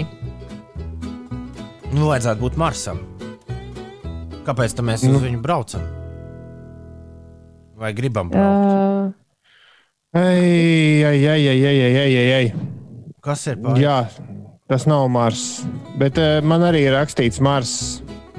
Tā kā es zināju, ka atbildību nemainīšu, es tikko paskatījos to karti. Tā ir Venēra, rīta zvaigzne tieši man atbild, diemžēl. Mars. Ai, Nepareizi Jā, jums es- atbildes ir. Uz Marsa Nu, jo- iespējams brauc, ka tur ir daudz maz uh, apstākļu, tādu, kuros varbūt varētu Mm. cilvēks izdzīvot. Bet uh, Venēra ir uh, vistuvākā Zemē, tiesa arī krietni karstāki lai, laika apstākļi Ei, tur ir. nu, arī bija divi varianti, vai nu uz vienu pusi vai uz otru. un Jā. Mars ir uz otru, bet tālāk. Ah. Jā, tieši tā. Un garākā Ziemeļamerikas upe, jeb ASV Nu, upe. šito vismaz pasakām, Ulu. Normāli. Zini, es nezinu. Man liekas, šis jau man ir divas atbildžu varianti. Un es teikšu, ka tā, kas ir uh, Grand Canjonā, tā nav Colorado upe. Es saku, ka tas ir Mississippi. Mississippi. Tad Um, diemžēl man jāsaka, ka neviena mums atbilde nav pareiza. Ai! Misūrī. Misūri. Un tā mana Colorado nu pat ne tuvu nav pi- pi- pieciniekā. Misūrī, Mississippi, Yukon, Rio Grande, Arkansas. Rio Grande ir Amerikā? Ah, uz robežas, laikam. Jā. Um, nu, Misūrī. paldies tiem klausītājiem, kuri vismaz uz dažiem jautājumiem atbildēja pareizi. Nauris un uh, Siguldas Edgars uh, arī ir atbildējis pareizi. Savukārt Aldis teica, ka, ka viņam jau atkal jāpaliek uz pēcstundām. Man liekas, es jūs arī aizsūtīšu šoreiz. Atkal 2-0. Vistuvākā planēta Zemē ir Merkūrijs. Jo planētas neriņķo vienā līnijā, raksta Jans. Mars visbiežāk ir Saulē otrā pusē, līdz ar to vis tālāk no Zemes. Merkūrijs ir Zemes tuvumā visbiežāk visilgāko laiku. Mēs runājam par orbītām. Man šķiet, tas, ko Ines bija domājusi. Es jā, biju domājis, tas, uh, nu, tas tipiskais sa savietojums. Uh, Nu, tas, ir, tas ir orbītas. Fiziski varbūt ka dažu brīdi mēs atrodamies ļoti tālu no tās planētas, bet šo planētu orbītu. Es tagad zaļonku meklētu, jo es esmu tā apdauzījies atkal Ines geogrāfijas spēlē, ka vajag, vajag brūcēm kaut ko ātri virsū triept. Un tikmēr radio viļņos Rolands Čē! Labrīt! Rolands Čē! Rolands Čē ar uh, riņķa dēļu, krievu ruleti! Nu, pat uh, jūsu radioaparātos. Uh, šeit pieci rīti, jā, mēs esam uh, katrs pa mājām, dzīvajā, un jūs arī esat visi, visi kopā ar mums, un nu, nav jau nekāda vaina patiesībā. Kāds garstāvoklis, Ulu, kāds garstāvoklis Ines? diezgan Nav ne- labs. Jā, nav nevainas gaišs un silts un svaigs gaiss. Un... Jā, pasties, saulīt, pagaidām, šodien plus 11. Vā, vispār. Kas nekaiš, vai ne? Varētu tikai būt nu, tāda laba iespēja mums vienam otru satikt. Jā.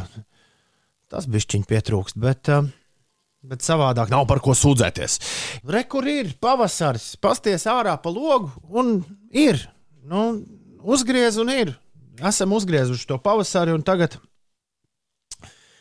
Bet, uh, bet nu jā. Uh, tagad jāmēģina saprast, kas vispār te tuvākajā laikā notiks. Jo par riepām jau jūs šodien sakat, uh, esat vairākas reizes teikuši, ka vēl nevajag vajag steigties, riepas ņemt nost, jo vēl jau nevar saprast, kas, ko mums kādus te joks vēl daba rādīs. Un, starp citu, jā, tikai skatoties desmit dienu prognozē, šī brīža tā prognoze ir tāda, ka mēs tiešām iesāksim nedēļu ar ļoti, ļoti siltu laiku, bet viņš, uh, tuvojoties nedēļas nogalē, atkal kļūs vēsāks. Un mēs būsim atpakaļ pie nulles grādiem. Tā kā to arī nevajadzētu aizmirst. Bet vai kā to pavasarī jaciņu gribas šodien uzvilkt? Tas arī būs. O, es jau kādā- biju brīvdienās uzvilkusi pavasarī aciņu un diezgan nožēloju to. Uznāca vējēlis. Nu, tāds pamatīgs vējels visu laiku bija. Mm. Tā kā šī pirmā saulīte ir ar zobiņiem. Nav ieteicams uh, saaugstēties. Kā jums iet? Kā jūs jūtaties? Atrakstiet mums ziņu. 29, 31, 202, 29, 31, 202. Ir 1. marts, ir 7 ar pulksten 8. Šeit 5 LV, 5 rītī. Un 1. martā Ilgvaram un Ivaram ir vārda svētki. Mūsu pastāvīgais klausītājs Sančiks, kurš strādā ātrajos šodienas viņa dzimšanas dienu. Daudz laimes! Žurnālistam Mārim Zandaram šodien dzimšanas diena. Aktierim Egīlam Melbārdim ir dzimšanas diena, aktrisei Olgai Dreģei, diriģentam Jānim Zirnim, bijušajai Lietuvas prezidentai Daļai Gribauskaitai daudz laimes. Nu un tad aiz okeāna visādi pasaku tēls viņa dzimšanas dienas. Justins Bībers, Keša, Rons Hovards, Marks Pols Gosevārs, Javieris Bardēms un Lupita Njungo. Happy birthday! Viņiem. Ņongo.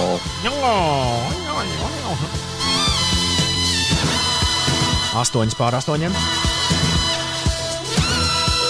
Vajag, ja ir pavasaris reizēs logs, tad var, vajag arī vispavasarīgāko mūziku, kāda mums ir. Un tā ir The Avalanches mūzika, protams. Īstais albums, ko klausīties pavasarī, The Avalanches, We Will Always Love You no tā Divine Chord. Tagad piecēlvē Avalanches ar MGMT un Džoniju Māru. Labrīt! Nu šāds tas Avalanches. Smuki, smuki, smuki, smuki. Ir 11 minūtes pāri astoņiem. Labrīt! Nu, un tagad, tagad ir pienācis laiks, kad uh, padeklamēs modernais dzinieks. Dažas vārsmas. Uzmini, kurš modernais dzinieks mums būs? Uldi? Uh, mm, nezinu, Roberts Gobziņš. Nē, nē, nē, nē, nē, nē, nē, nē. Modern, nu, mod, rīktīgi moderns. Prusaks. Yes!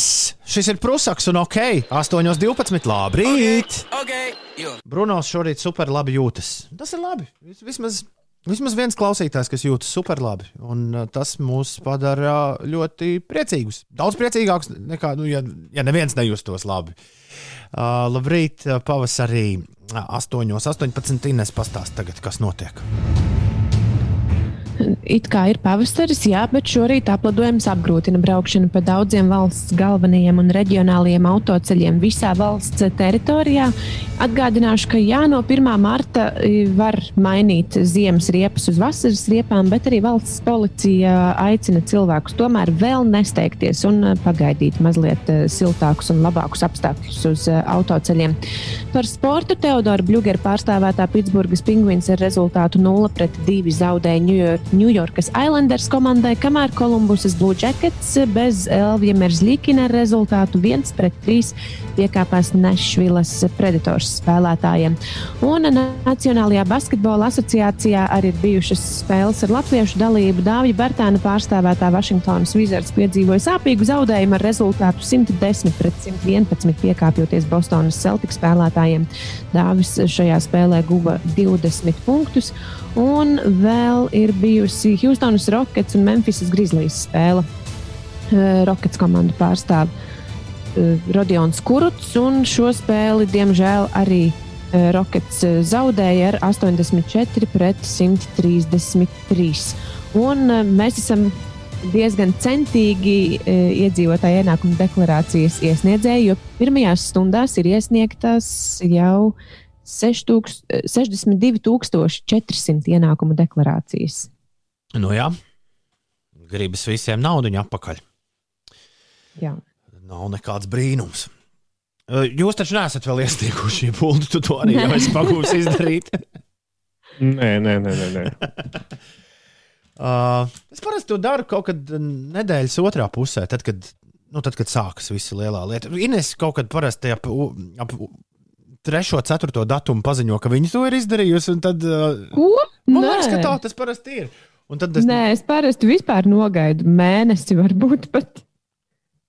nu, tas, tas Es diezgan vēl esmu to darījis, bet es esmu apņēmusies eh, šoreiz eh, pieķerties tam klāt laicīgāk. Jā, bet tas ir jādara tādā, jāmēģina izdomāt brīdis, kad neviens cits to nedara. Teiksim, piekdienas vakars, de, desmit vakarā varētu būt ļoti laba doma. Nu, iesniegt tur vajadzīgos, vajadzīgos papīrus. 8,21 ir pareizais laiks. Nu, tad par godu pavasarim, lai iet gaisā signāls. Arktūrs Šingerējs pie mikrofona, dāmas un kungi. Kā sakustas zars, pilnīgi es uh, sajūtu to, klausoties šo dziesmu. Ir 8,24, un tagad Arts Volfs ir ieradies pie mums ciemos. Pirmdienā kaut kā mums bieži tāda ciemiņa. Uh, Andrejs nāk par, Forši. pa, par podkāstiem runāt. Volfs savukārt tagad izstāstīs, kas vakar notika Latvijas svarīgākajā hitparādē, Latvijas top 40. Nekā. Wolf, aiziet! Labrīt, labrīt, labrīt, pieci rīti. Labrīt visiem, visiem, visiem. Šeit tāds Volfs, un vakar, kā jau ierasts, notika Latvijas top 40. Kāds bija pirmais desmitnieks, to tūlīt uzzināsiet. Latvijas top 40. Desmit, Joprojām desmitajā vietā teica Makrī un You Broke Me First. Deviņi, Lielākais kāpums šajā nedēļā plus 22 pozīcijas Linda Līna. Blue Monday! 8, Mīnus 2 pozīcijas Ed Sheerans. Afterglow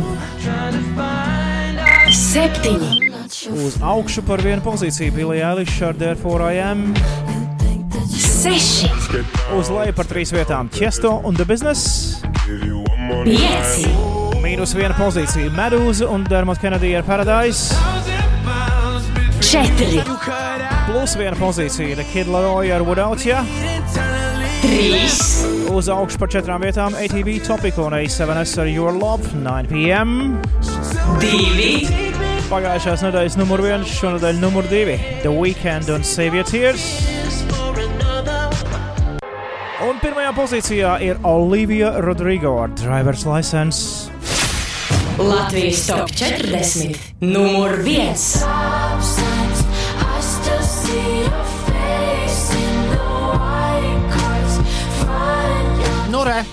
Tad beidzot arī aizrāpusies līdz Latvijas oficiālā topā pirmajai pozīcijai.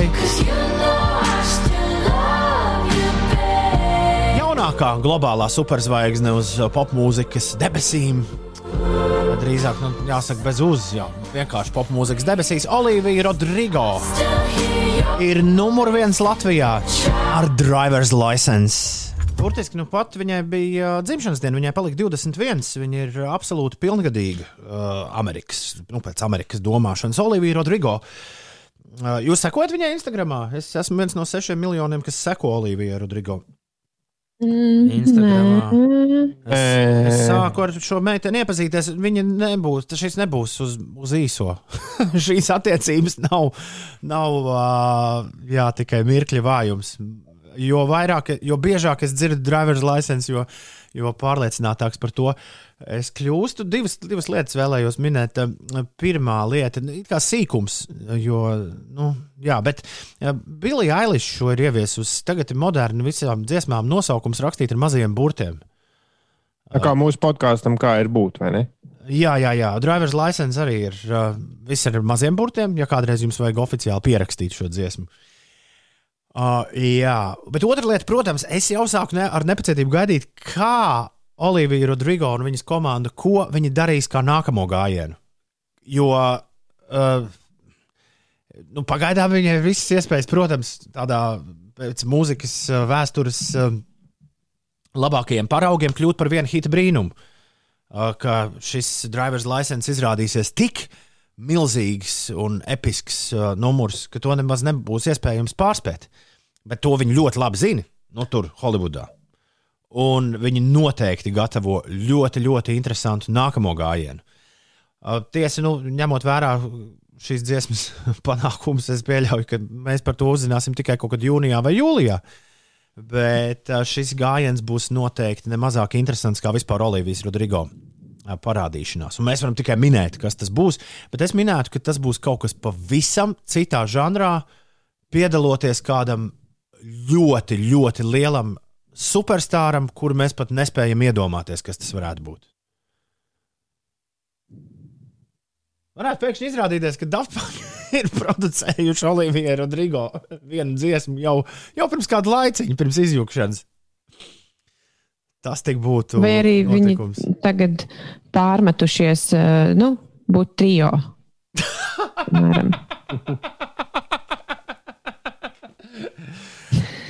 Brīnišķīgi. Uh, dzīvosim, redzēsim. Pēc kaut kāda laiciņa Marta būs klāta ar jaunu dziesmu. Es gan nezinu, cik mēs, ui, ui, ui, es gan nezinu, cik mēs daudz par to varam plāpāt. Uh, bet, uh, bet ir tāda lieta, drīz gaidāma. Gaidiet kādu pārsteigumu no Martas. 8,37. Uh, tu dzirdēji, Ulu, kas tur man ieskanējās? Jā, Tā vispār būs nākamā dziesma, bet pēc mirklīša, jo liels bija mans un Ines izbrīns. Uzzinot, ka Uldis aizvadīto nedēļas nogali pavadīja pētot grupu Queen. Kāpēc tu to darīji? Es varu vispirms pateikt, ka man no sākuma likās, kāpēc Uldis pēta Anglijas karalieni vai tiešām tur. Bet pēc tam es sapratu, ka runa ir par mūzikas grupu. Jā, bet eh, to aizraušanos ar Queen es esmu tev manījis jau iepriekš. Tad, nu, kas liekas interesanti, ka tur vēl joprojām ir ko pētīt, ka tur vēl joprojām var kaut kādas jaunas lietas atklāt. Nē, nu, Queen man balaži ir bijusi tuvu grupa, jo man bija senos laikos bija viens no pirmajiem diskiem, bija kaut kā dīvainā kārtā gadījās Queen, vi- viens no albumiem. Un, un, un, un, un, man tad bija grāmata par Frediju Merkūriju un viss kaut kas, bet es beidzot saņēmu noskatīties Bohēmijas rapsodiju. Oh! Pēc tik ilga laika, beidzot piekdienā tika nolemts tā. Nē, sestdiena. Šī būs diena, kad beidzot tas ir jāizdara. Vai piekdienas, neatceros. Nē, sestdiena, laikam. Nu, lūk, pirmkārt, Nē, pirmā interesantā lieta ir tas, kā es pie filmas tiku. Man liekas, ka to var kaut kur dabūt vienā no visiem NTM servisiem. Tā ir pieejama. Izrādās, nav. Tikai tajā gozā, laikam, tā to sauc. Nu, tas vietējais, tas mūsu. Tas, Jā, jā, jā. jā. Man vienmēr liekas, ka viņi sauc gozu. Goza. Krievijas goziņā. zēburts. Jā. Goziņā, jā. Aha. Bet eh, tad es iegāju paskatīties, uh, nu, un tad, nu, tad pēkšņi sapratu, ka jā, tas, tas laiks ir pienācis. Jo tā vietā, lai filmu, nu, ir, ir vietas internetā, kur to filmu vienkārši es atvainojos, bet nozagt. jā. Nu, jā. Un, un es pieļauju, ka to, es to, protams, neatbalstu, bla, bla, bla, bet nu, visi zina, ka tur, kā tie torrentiņi tur strādā. Tad es sapratu, ka tik daudz reizes vienkāršāk būs vienkārši ieiet Apple TV un par 3,99 filmu iegādāties. Šis ir mans pirmais O, kino pirkums manā dzīvē. o. Mm. Un Pagaid, es pieļauju, ka nebūs. Bet par 3,99 to viņi dabūja tikai uz diennakti, protams. Viņi, viņi var skatīties divas diennaktis un uh, var sākt skatīties mēnesi. Ah, es Respektīvi, jā, jā. tu, tu šodien nopērci viņu mēnesi, var, un tā, kad tu esi sācis skatīties, tad viņi ir pieejami vēl 48 stundas. Bet eh, ejot uz kino, kino biļeti taču ir daudz vairāk par tiem 4 eiro. Taisnība, taisnība. Un šitien tu vari arī bezbiļetniekus ielaist sev blakām. Mēs, jā, mēs pat bijām divi, divi cilvēki. Man bija bezbiļetnieks. Tātad filma izmaksāja divīti uz katru. Okay. Nu, tas ir tā vērts. Tas tomēr ir ērtāk nekā tur ņemties un tad likt fleškā un fleška par mazu un fleška tele. Jo gribas jau labā kvalitātē un labā kvalitātes fleškā neielikt. Tie, tieši šādu, šādu pat var īrēt. Es to vienreiz ļoti ērti izdarīju. Var īrēt arī Google sistēmā. Jā, man tur vienkārši nebija kredītkarte pievienot. Es to skatījos, starp citu, pirmo. Vai tev bija latviešu titri? Uh, nē, man bija angļu tītra, bet arī Ok. nevajadzēja latviešu tītras. Labi, labi. Jā, nu, ko lai saka, varena filma uh, ar vēsturisko taisnību. Tur gan ir spēlējušies mazliet tā brīvi dažu brīdi. Bet man ir pāris lietas, ko es uzzināju pirmo reizi. Nezinu, ko es tiešām nezināju. Pirmkārt, es nezināju, ka I Want to Break Free leģendārās dziesmas autors ir Džons Dīkons, tas visklusākais Queen dalībnieks, basģitārists.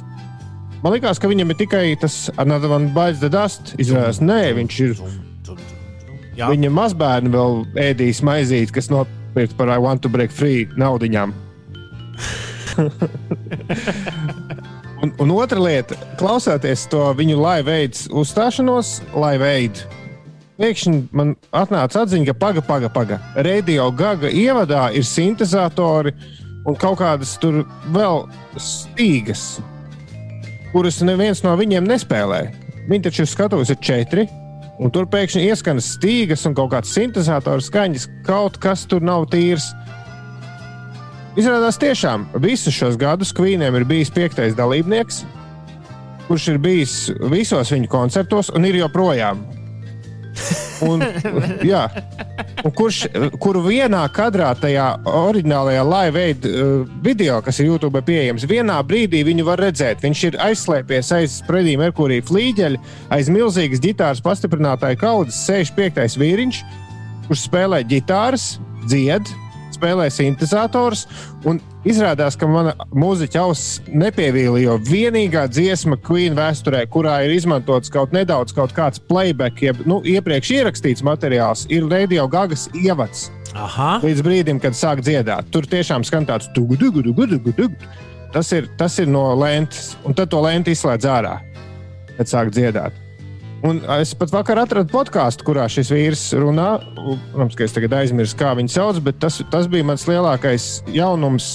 ka viņu Queeniem ir piektais dalībnieks, kurš Spike Edney. Spikes Kurš sēž? Spike Edney's, kurš spēlēs vēl visādās grupās, un daudz un dikti pat ar Steviju Vanderu, un kur viņš sēž parasti ēnā. Viņa, viņa galvenais uzdevums ir nevis teikt džekiem, ko spēlēt, bet pierakstīt visas idejas un atcerēties. Nu, viņš ir tā kā, kā diktafons strādā apmēram. Halo. arī strādā tā kā diktafons. Ja viņai paprasta, kas notiek, tad Ines uzreiz sāk runāt. Mazliet, Ines, kas notiek? Šodien Latvijā gaidāms sauss un pārsvarā saulains laiks. Mākoņainākā diena būs Latvijas pusē, pūtīs lēns līdz mērens rietumu, dienvidrietumu vējš un kurzemē tas brāzmās pastiprināsies līdz 14 metriem sekundē. Maksimālā gaisa temperatūra dienas laikā no plus 4 grādiem vietām Latgalē un piekrastē līdz plus 11 grādiem Rīgas jūras līča kurzemes piekrastē un arī dažviet zemgalē. Rīgā gaidāma saulaina diena, pūtīs mērens dienvidrietumu vējš un gaisa iesils līdz plus 10 grādu atzīmei. Atgādināšu, ka daudz vietā, neskatoties uz to, kā ārā ir saulains laiks, autoceļi var būt apladojuši un slideni. Un, lai gan ir 1. marts, kad uh, drīkst mainīt auto riepas uz vasaras riepām, valsts policija tomēr aicina marta sākumā autovadītājus nesteigties ar ziemas riepu nomaiņu, bet uh, sekot līdzi laikapstākļiem, jo tie aizvien ir mainīgi un ceļi daudz vietā ir apladojuši. Tāpat policija atgādina autovadītājiem, ka laika posmā no 1. maija līdz 1. oktobrim ir aizliegts braukt ar transporta līdzekli, kuram riepas ir aprīkotas ar radzēm. Un mm -hmm. šogad ikvienam ir iespēja organizēt savu pasākumu sarunu festivālā Lampa, un no šodienas līdz 15. aprīlim var pieteikt savu ideju Mēs, konkursam. mēs pieteiksim pieci rīta dzīvajā. Uh, Mm. Kritērija. Mēs varētu, jāpaskatās. mēs varētu visu salikt kopā. Mēs varētu to arī translēt Clubhouse, un, un Instagram laivā, un, un, un vēl neskur. Tas ir uh, super, super lielu lampas paneli. Bet varam arī to mierīgi nedarīt. Jo Tā, šodien, šī gada virstēma ir, Nu, kas ir jā, virstēma ir cieņa. cieņa? Tad mums būtu cieņa pret Inesi vai viena pret otru. Ja visiem, visiem vienam pret otru noteikti. Kla, jā, Krapas Reinas raksta, ka prāta vētrai arī esot viens tāds dalībnieks, par kuru tas Bet šis ir starp citu, Neviens nezina. nu, Ingūns Basis, bet šis ir smieklīgi. Tā interneta komentētāju uh, fanātiska aizrautība ar to, ka prāta vētra tam vienam čalim nedod pietiekami daudz godu. Bet viņš negrib būt tajās fotosesijās. Viņš ir ideālā stāvoklī. Viņš var darīt to, kas mūziķim patīk vislabāk, spēlēt koncertus. Viņam nav jāiet uz visu to, kas reāli atzīst, nu, tas ir reizēm ir besīgi. Visas tās bildēšanās, intervijas. Viņam tas nav jādara. Viņš dabū tikai to pašu labumu. Cauraudzīt, cauraudzīt. Jā, koncerts, un viņam par to samaksā. Un viņš var mierīgi staigāt pa ielu. Viņam neskrien pakaļ, hei, reku kaupers, čau, Renār. Viņš mierīgi Vispār Renāram arī neskrien. Latvijā jau vispār mums tā neskrēja pakaļ. Reinikam vienīgi. Okay. Es vienreiz redzēju, Tērvets dabas parkā, kā tur Laura sagaidīja armiju. Klau. Klau, mīļie draugi, ir pienācis laiks mums noslēgt ULDU, nu pat stāstīto par grupu Queen. Un uh, laiks ir noklausīties vienu no viņu leģendārākajiem gabaliem. Šis ir Don't Stop Me Now, 8,46. Lai skan! Labrīt, Inese! Labrīt, Uldī! Labrīt, labrīt, labrīt! Labrīt, labrīt. Mēs gandrīz esam tikuši galā ar pirmdienas rītu. Tas nav maz. Es, es teikšu jums atklāti, tas nav maz. Uh, jā, es jau jūtos bišķi tā kā uzvarējis nedēļu. Hmm. Tavās Nu, acīs, es saku? tavās acīs Ines, es tomēr redzu tās, tās bažas par to, kas vēl gaidāms nākamās dienas un, un vēl šīs dienas laikā. Nē, neskatoties uz to, ka bija diezgan eh, slikti gulēta naktis, es jūtos mm, pie pirmdienas ļoti labi. 8,54 slēdzam raidījumu ar, protams, interesantajām ziņām.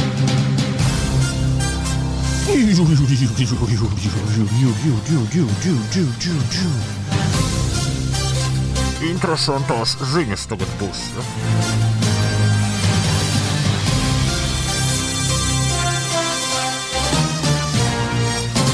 Ja? Uldis jau piekdien bija ielicis interesantajās ziņās stāstu par Lēdijas gāgas nolaupītajiem sunīšiem, bet labi vien bija, ka piekdien par to nepastāstījām, jo pa nedēļas nogalu stāstam ir atnākušas arī laimīgas beigas. Ja nu kāds to ir palaidis garām, aizvadītajā nedēļā divi nezināmi ļaundari uzbruka vīram, kas steidzināja Lēdijas trīs franču buldogus. Tie ir tādi sunīši, kā mūsu kolēģei Karmenai. Tad maziņi, maziņi. Vīrs tika sašauts. Par laimi viņai, viņa jā, dzīvībai briesmas nedraud. Divi buldogi nolaupīti, bet trešais pamanījās aizbēgt. Un vēlāk tika nogādāts policijā, kas to uh, atdeva saimnieces pārstāvim. Uzbrukums nejauši ticis arī nofilmēts kādā novērošanas kamerā, kas aizvadītajā nedēļā apceļoja visus ziņu portālus, taču no sunīšiem un laupītājiem ne ziņas, ne miņas. Pati dziedātāja, kas šobrīd uzturas Romā, esot uh, maigi izsakoties visai noskumusi un publicējusi uzsaukumu, kurā par sunīšu Koģi un Gustava atrašanu solīts pusmiljons dolāru un no questions asked. Katram, kam ir kāda informācija par sunīšu atrašanos, jāraksta uz e-pasta Koji and Gustav at gmail.com, un tas, kurš patiešām palīdzēs atrast sunīšus, tiks pie atlīdzības. Nu, šeit ziņa būtu noslēgusies, ja mēs to lasītu piekdien, bet aktuālu laimi mums ir stāsta noslēgums. Aizvadītajā nedēļā kāda dāma abus nolaupītos suņus, sveikus un veselus, atvedusi uz policijas iecirkni, un tie jau nogādāti atpakaļ Lēdijas gāgas pārstāvjiem. Kundze, esot sunīšus atradusi piesietus pie stūra kādā šķērsielā, vairākas jūdzes no nolaupīšanas vietas, taču atpazinusi tos, jo lasījusi par notikumu presē vai internetā. Un policija apgalvo, ka dāmai nav nekāda sakara ar nolaupīšanu, tātad kaut kādi jautājumi tomēr tika uzdoti. Un viņa esot samariešu pārstāve, kas suņus atradusi nejauši, tāpēc kundze tagad tiks pie pusmiljonu dolāru lielās atlīdzības. Lūdzu! Mm. Bet kāpēc tie sunīši bija vienkārši piesieti kaut kur pie koka? Man liekas, tur kaut kas nav tīrs. Tad, kad viņus atrada, Jā, šis jā. izklausās pēc kārtīgas detektīvu spēles. Jā, nu, jā ja, ja tie zagļi nav zinājuši, ka tie ir slavenības suņi, par kuriem rakstīs visas pasaules presa, tad viņi varbūt vienkārši nobijās no šīs uzmanības un saprata, ka tur labi nebeigsies. Vai arī tas ir bijis viss izplānots? Jo, ja tu gribētu uh, tikt pie tās naudas, tad tu taču arī sūtītu kādu samarieti vai nu, kādu tikpat nu, jā, kādu ar kam, teiksim, nu, tūkstoti, piemēram, iedot.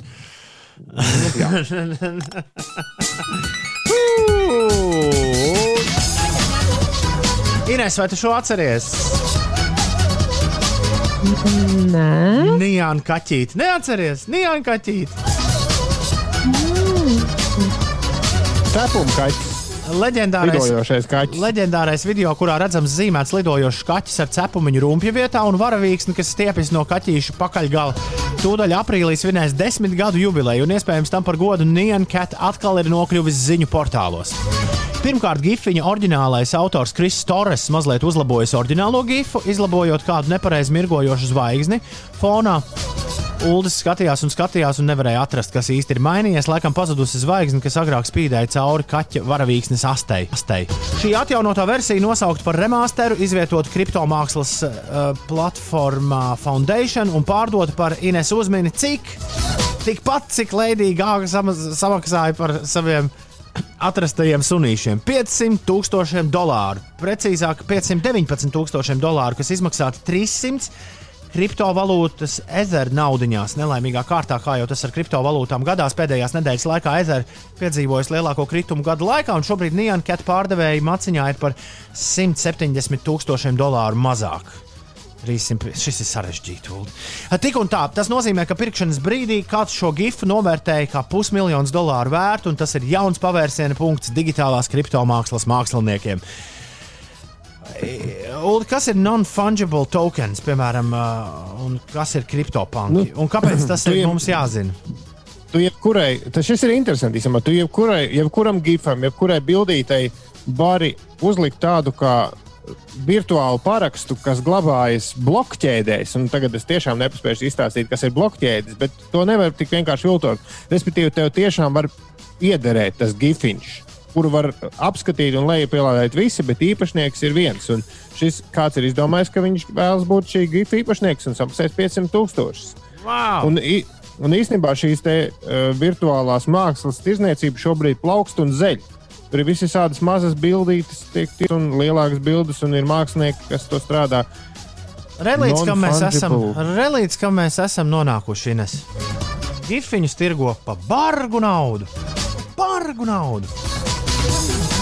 Lai visiem jauka diena, es ceru, ka jums šis skanēs uh, galvā.